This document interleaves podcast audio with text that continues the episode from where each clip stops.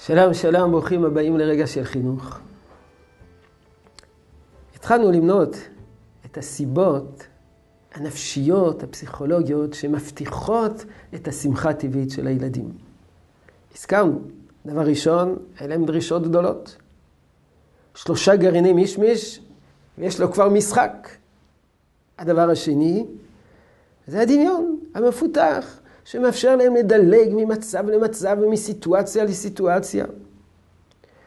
הדבר השלישי, ילדים חיים את הרגע. דאגות המחר אינן קיימות אצלם. אנחנו כאנשים מבוגרים, גם כאשר טוב לנו עכשיו, אבל הצל של המחר מאיים עלינו. טוב עכשיו, אבל מה יהיה מחר? ילד קטן, כרגע טוב, כולו טוב. מה יהיה בעוד חמש דקות? זה מחוץ לתחום.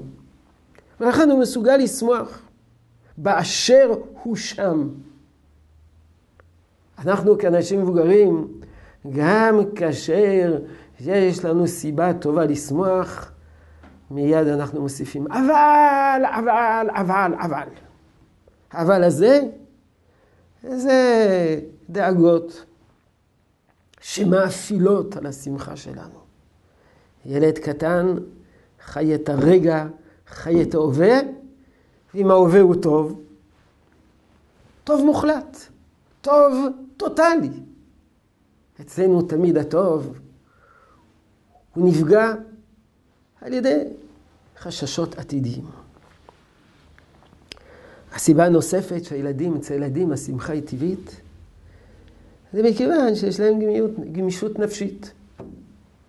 נוח לרצות. ילד יכול לבכות ולהתאושש אחרי שתי דקות. הוא בוכה, אתה עושה לו הי הי הי הי, והנה הוא צוחק.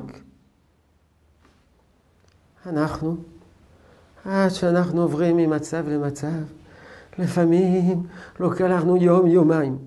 אנחנו עוברים איזה משבר שמעציב אותנו, לוקח, לוקח לנו שלושה, ארבע ימים כדי להתאושש. אז אה, כיוון שיש מדי פעם קשיים בחיים, אז החיים שלנו מנומרים. חלקם שמחים, חלקם פחות שמחים. ילד קטן, בוכה דקה, שמח לאחר מכן. כמאן דליתא, פתאום העצב התנדף ונעלם. והדבר האחרון, שכבר עסקנו בו בעבר, נדמה לי, שילדים הם מלאי תמימות. הם תמימים. והתמימות הזאת מעניקה להם, מאפשרת להם הרבה שמחה. יהי רצון שתשרה ברכה בעבודתנו החינוכית. שלום שלום.